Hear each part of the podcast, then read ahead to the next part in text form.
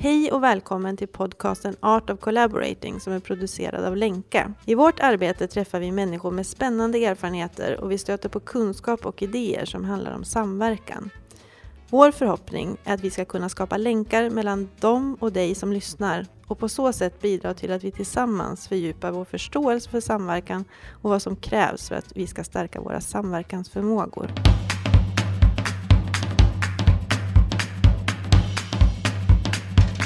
Jag heter Anna Singmark och driver tillsammans med Caroline Bottheim företaget Länka. I det här avsnittet pratar Caroline med Anna Hedman och Sara Hommen om konfliktfylld samverkan. Samtalet handlar om varför konflikter är så viktiga och hur vi kan se på konflikter som en del av att utveckla nya lösningar i komplexa frågeställningar. Du kommer bland annat få höra om vikten av att skapa tillåtande samtal och också om vilka förhållningssätt och metoder som kan hjälpa oss att våga stanna kvar när det gnisslar.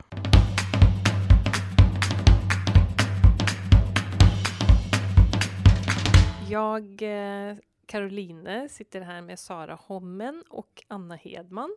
Och vi har ehm, redan pratat jättemycket om eh, konflikter idag. Därför att vi håller på och designar en utbildning som ska handla om eh, konfliktfylld samverkan har vi sagt. Precis innan vi började spela in nu så kom vi in på ett samtal. Ja, men är det, ska vi verkligen säga konflikt eller ska vi säga någonting annat. Det, det, kanske inte behöver vara konflikt, det kanske handlar om olikheter i perspektiv och sådär. Och jag tänker att eh, det var en ganska bra ingång till det här. För i, den, i det här samtalet så ska vi prata lite om varför behöver vi prata om konflikt och varför behöver vi lära oss mer om konflikter? Varför gör vi den här utbildningen? Så vi får helt enkelt se vart det här samtalet tar oss. Vill ni liksom säga något om er själva innan vi sätter igång? Vilka är ni och eh, varför eh, tycker ni det här samtalet är kul? Ja, Sara heter jag då, Sara Hommen, har jobbat inom staten i tio år snart och eh, har precis blivit egenföretagare. Jobbar med konflikt och konflikthantering, processledning. För mig är det här väldigt intressant för att jag ser att inom många delar så så missar vi ofta det goda samtalet. Alltså det viktiga samtalet. Det som faktiskt leder framåt. Att vi hittar varandra och, och kan hitta vad det är som är viktigt för andra.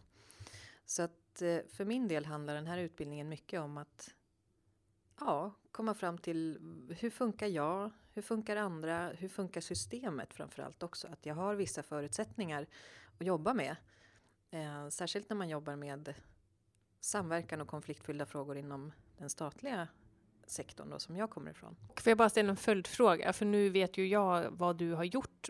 Vilka frågor du har jobbat med? Vill du säga något om det? Bara så att eh, lyssnaren också vet det. Jag har jobbat eh, inom viltförvaltning med rovdjursfrågor, vargförvaltningen till exempel.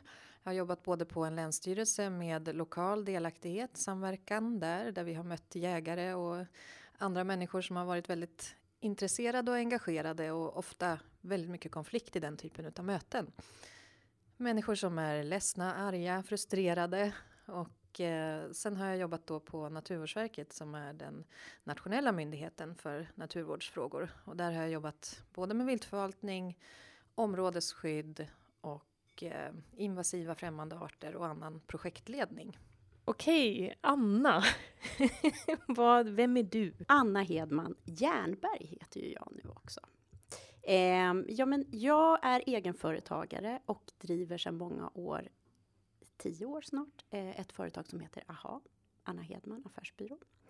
Eh, och där jobbar jag med att utbilda inom olika organisationer i dialogverktyg, i att leda processer och att hjälpa till. Jag kommer ofta med verktyg för att hjälpa till att skapa förståelse för varandra. Att vi ska, för det är svårt när vi kommer in med olika perspektiv att förstå att vi, vi pratar om samma sak men utifrån olika förutsättningar och perspektiv och intressen.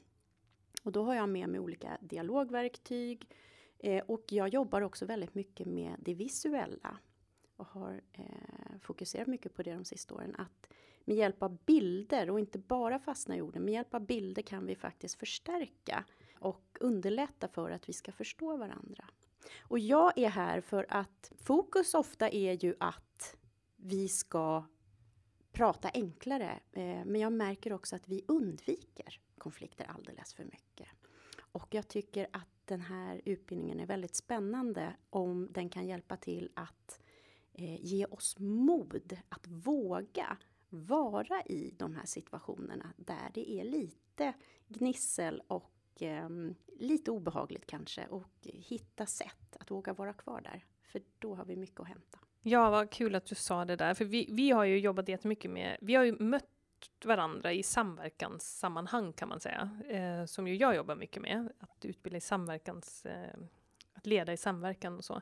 Och då är vi ju inne på de här dialogerna och vi försöker ju hela tiden skapa ja, men ett klimat där vi har möjlighet att komma åt det vi verkligen behöver prata om. Och jag tänker också det att vi, vi lyckas med det ganska bra och vi har mycket bra verktyg som kan underlätta för det.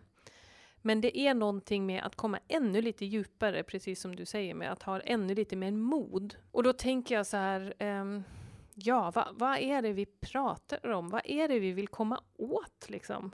När vi säger, ja men vi måste kunna våga gå in i konflikt eller vad är det för någonting som ligger där under som vi är rädda för eller som Ja, jag tänker så här att jag tänkte på det när du Anna sa också just det här modet att eh, vi hamnar ofta i en, i en situation där vi försöker prata om sakfrågan innan vi har verkligen gått på djupet med varför vi sitter i rummet och mm, vad det är som är viktigt för en.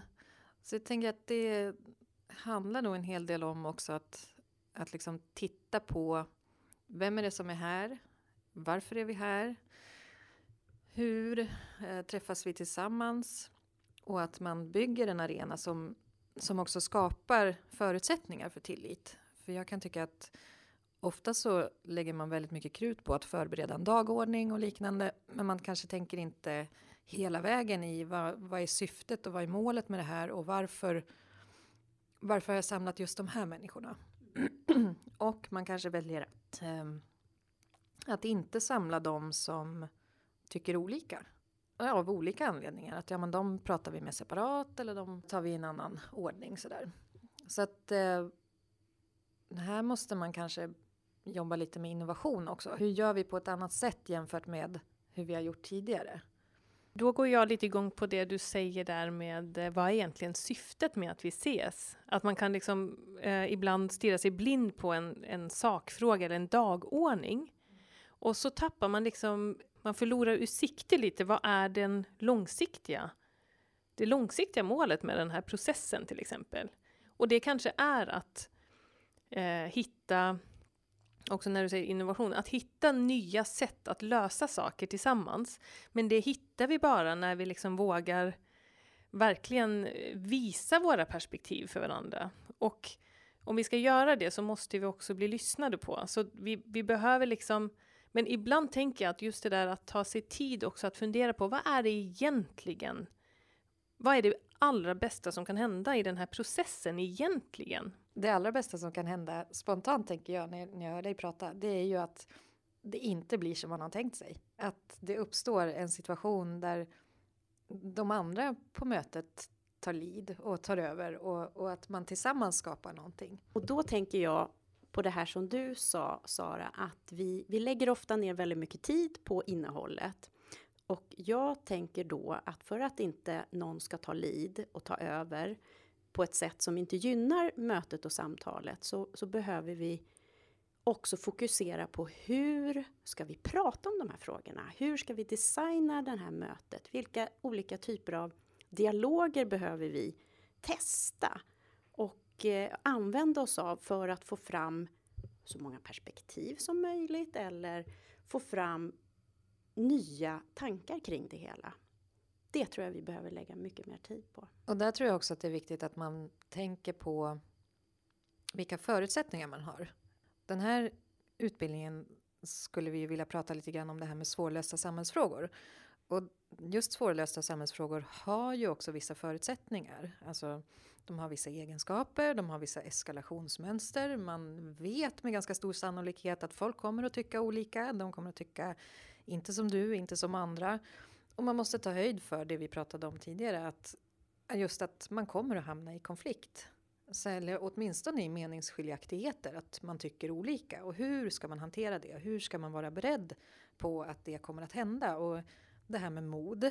Att, eh, hur kan jag vara modig i, hur kan jag stå liksom stadigt med fötterna på jorden när allt annat gungar? Och eh, hur kan jag förbereda mig så mycket som möjligt och skapa bra förutsättningar samtidigt som jag behåller flexibiliteten och möjligheten att vi vet inte vad målet kommer att vara. Vi vet inte vad slutet är, men vi skapar tillsammans i en form av strukturerad samverkan ändå.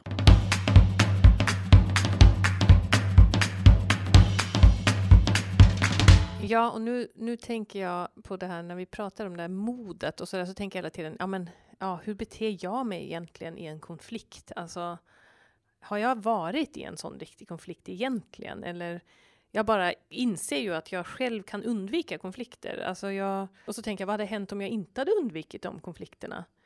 Och där har vi väl som människor olika, tänker jag, grader av konfliktundvikande eller vad vet jag.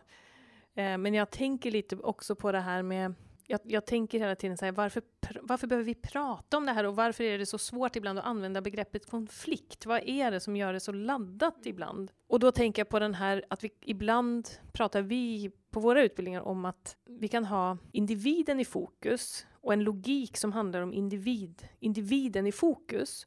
Eller så kan vi ha relationen i fokus. Om vi har individen i fokus, då tänker vi väldigt mycket antingen eller. Antingen har du rätt eller så har jag rätt. Alltså om, om en konflikt uppstår så är det något som stör, vi stör varandra på något sätt. Har vi relationen i fokus så är en konflikt en del av utveckling av en relation och en väldigt naturlig del av det. Jag bara försöker få syn på mina egna blinda fläckar i det här, för det är liksom så mycket ja, jag, jag, känner själv att jag liksom är lite trevande i förhållande till, till bara att prata om det på något sätt. Det är ju så att det är någonting med konflikt som är väldigt laddat och då tänker jag också att eh, du Sara pratar om det här med att ta höjd och jag tror att vi behöver prata mycket mer om ett förhållningssätt till våra för när vi pratar om samverkan så möts vi för att vi kommer in med olika kompetenser och olika perspektiv. Och i det ligger också att det behöver finnas ett tillåtande klimat. Att vi ska få föra fram våra tankar. Och i, för att det ska kunna ske så behöver vi också locka fram en nyfikenhet. Och ibland tror jag att det är den som försvinner. Och att vi fastnar i mönster av att ha rätt och fel. Och då stänger vi igen och då lyssnar vi inte på varandra. Så att det, det, är många faktorer. För att kunna vara modig så måste jag också vara nyfiken och jag måste också lyssna. Så det finns många förmågor som vi behöver locka fram i en sån här utbildning. Jag tänker just det du säger här med förhållningssätt. Att vara tillåtande, eh, vara modig, nyfiken. Allt det här är ju saker som man kan odla själv och som man behöver bli medveten om och få syn på själv. Ofta så hamnar man ju också i en situation där man tänker att det är den andra personen som, som är problemet. Och det du säger också Caroline, att man är i relation till andra. Det är ju väldigt sällan en konflikt beror på en individ. Ofta så är det ju relationen mellan en eller flera parter som, som det handlar om. Det är väldigt lätt att, att utse en syndabock och att avsätta den personen eller flytta på den personen eller liknande. Men eh, just det här med modet att, att då hitta, så hur gör vi tillsammans och hur skapar vi jag tänker också att hur skapar vi förutsättningar för att hantera konflikter, både på individnivå och på strukturell nivå, innan vi kommer så långt att skuld läggs på en person eller på en avdelning eller liknande om man har olika åsikter. Och, och just det här att bygga in punkter eller, eller situationer där man stämmer av och där man har de här mötena och de reflektioner och, och, samtal som behöver ske tillsammans som inte handlar om sakfrågan utan som handlar om relationerna i arbetslaget eller mellan de som jobbar tillsammans. Och att skapa de här stödstrukturerna i, som jag kallar det, i organisationen, att det finns den typen av forum. Det finns forum där man kan diskutera svåra frågor och det, det finns en, vad ska man säga, en, en tillit till att just på det här mötet så, så kan, är det okej okay att vara oense. Om det nu inte är det i andra möten. Men helst vill man ju ha det i alla möten, men, men just att man, man förbereder alla att, att det är okej. Okay. Ja, och då, det är då jag, jag kan liksom nästan känna fysiskt när jag tänker på sådana där, om jag tänker så här, ja, nu ska jag in på ett sådant möte då.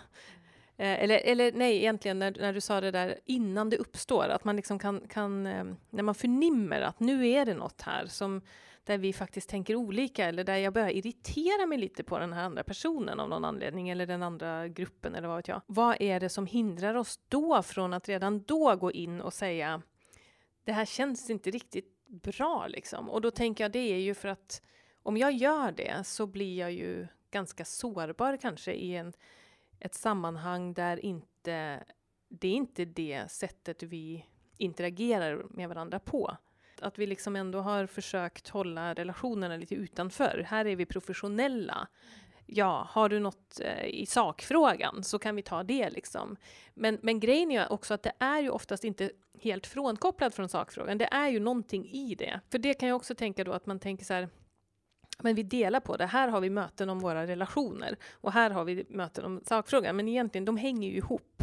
Så egentligen behöver vi ju hela tiden kunna säga så här, vet du, jag vet inte vad det är som händer nu, men nu känns det bara så jobbigt i det här samtalet. Jag, jag känner inte att någon lyssnar på mig just nu, eller vad vet jag, vad, vad man verkligen känner.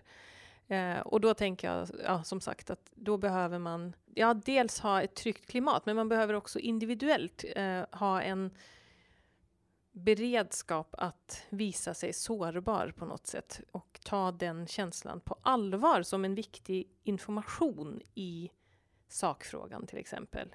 Och jag tänker att man kan ha olika roller. Alltså att man ganska tidigt också kan utse någon att dels att man tar eget ansvar men också att man utser någon att, att ha, ta den rollen i ett möte till exempel.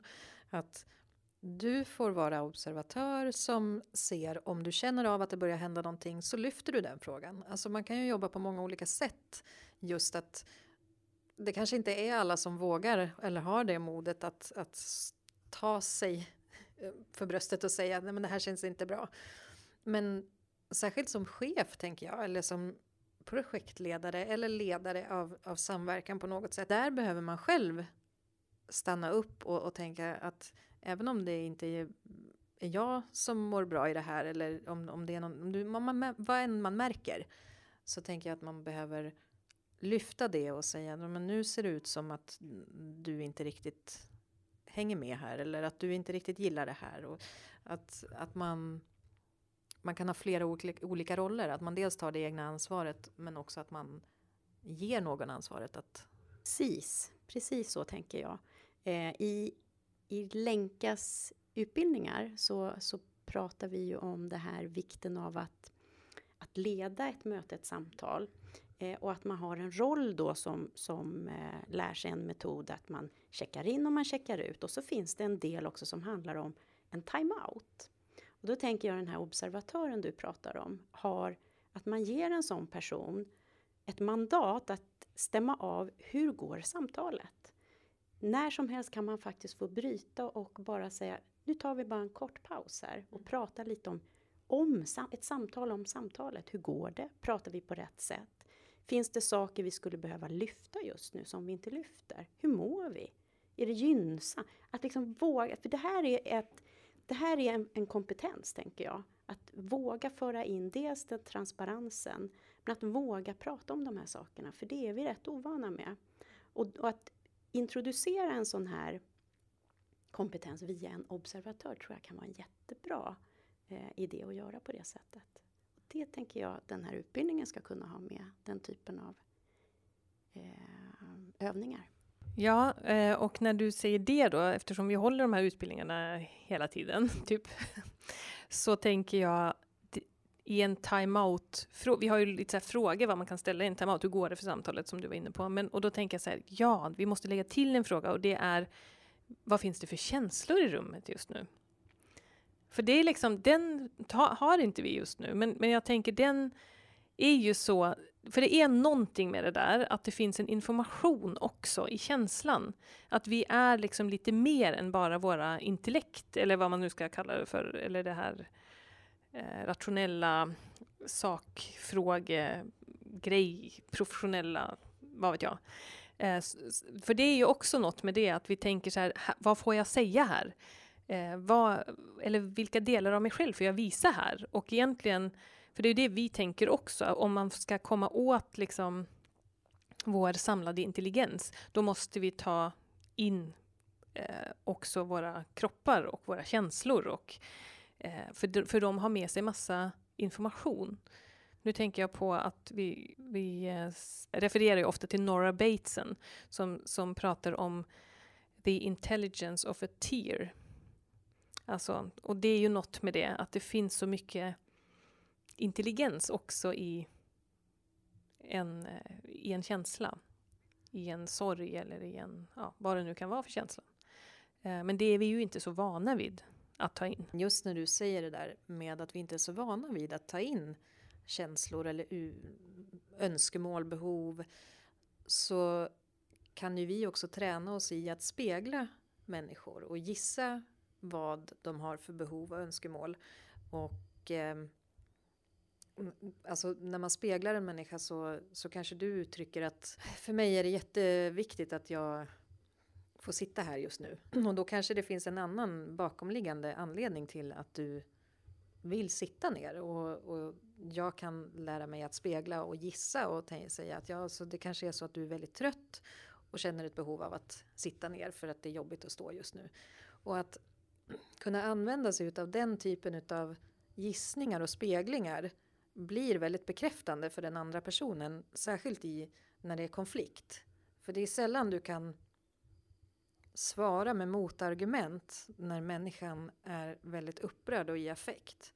Då behöver den människan oftast bli hörd först i den egna, de egna tankarna och önskemålen som den människan har.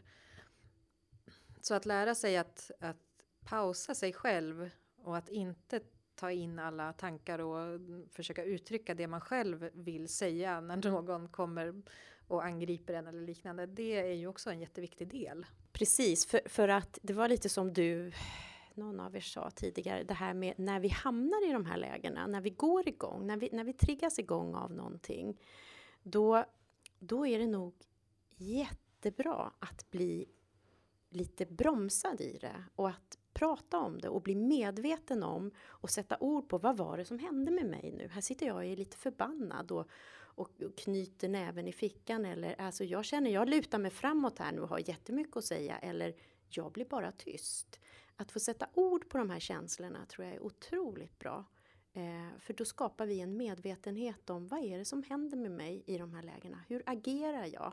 Hur, blir, hur påverkas min kommunikationsstil när jag utsätts för det här?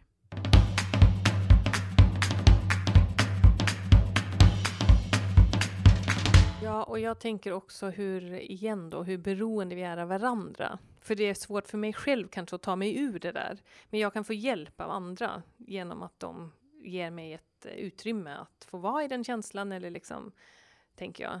För jag tänker också på det som vi faktiskt pratar om och som jag ser på som den, det viktigaste förhållningssättet eller tankesättet som jag har med mig när jag jobbar och det är ju erkännande.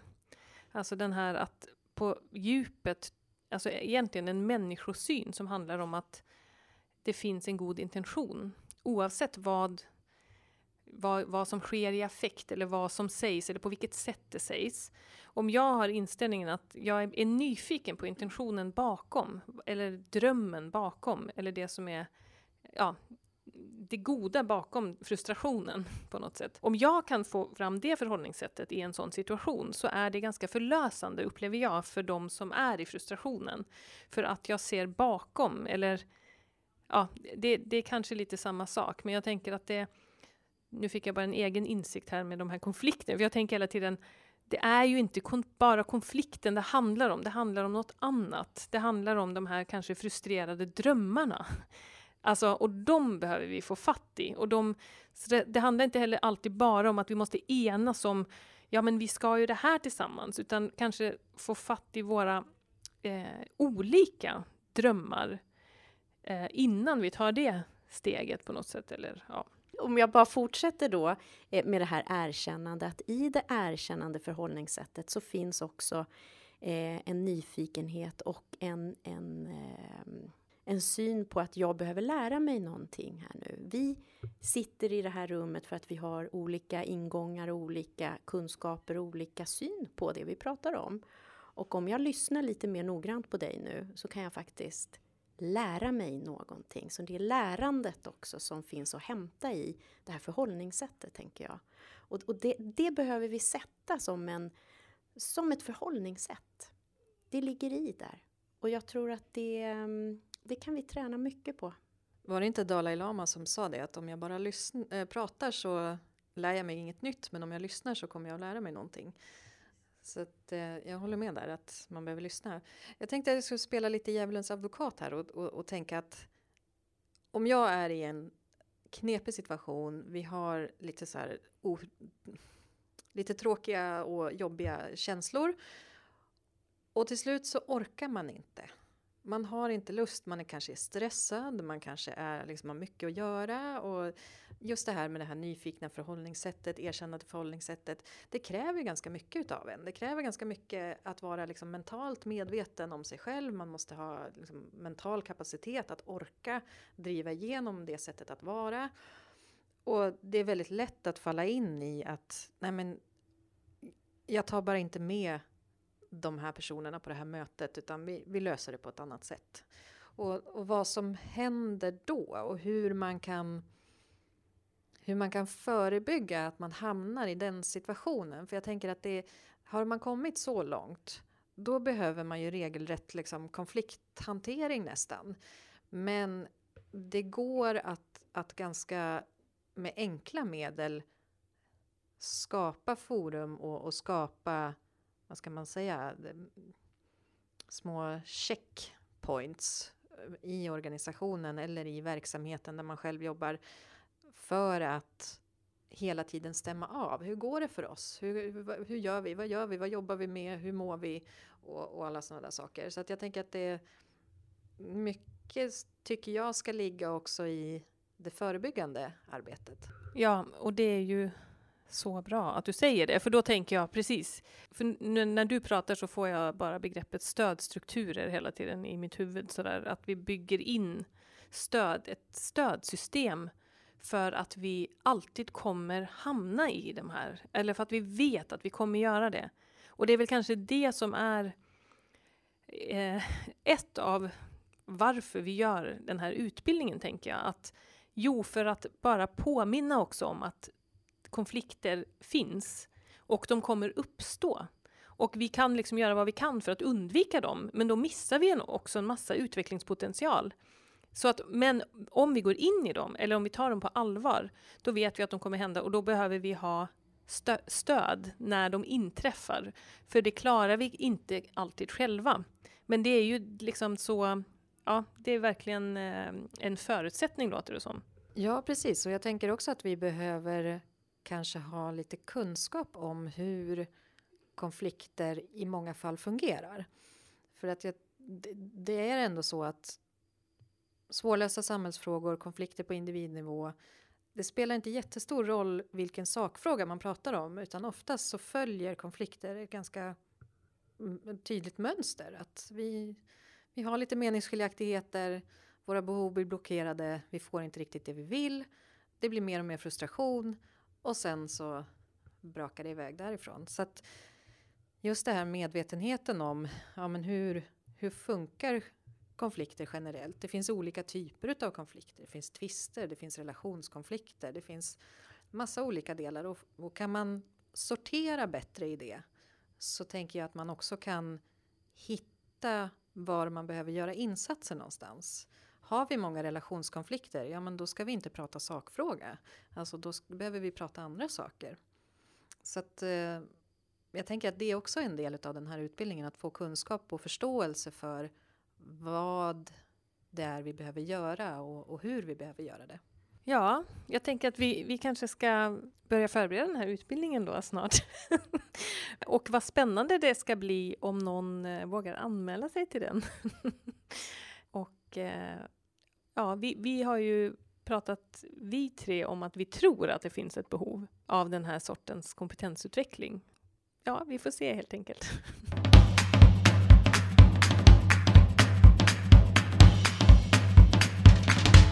Tack för att du har lyssnat. Den här podden är producerad av Lenka och redigering görs av Emma Larsson som är skribent och dokumentärfilmare. Vi hoppas att du blev inspirerad och stärkt i ditt intresse för att fortsätta utforska fenomenet samverkan. Om du blev nyfiken på utbildningen om konflikter i samverkan kan du hitta information på vår hemsida www.lankaconsulting.se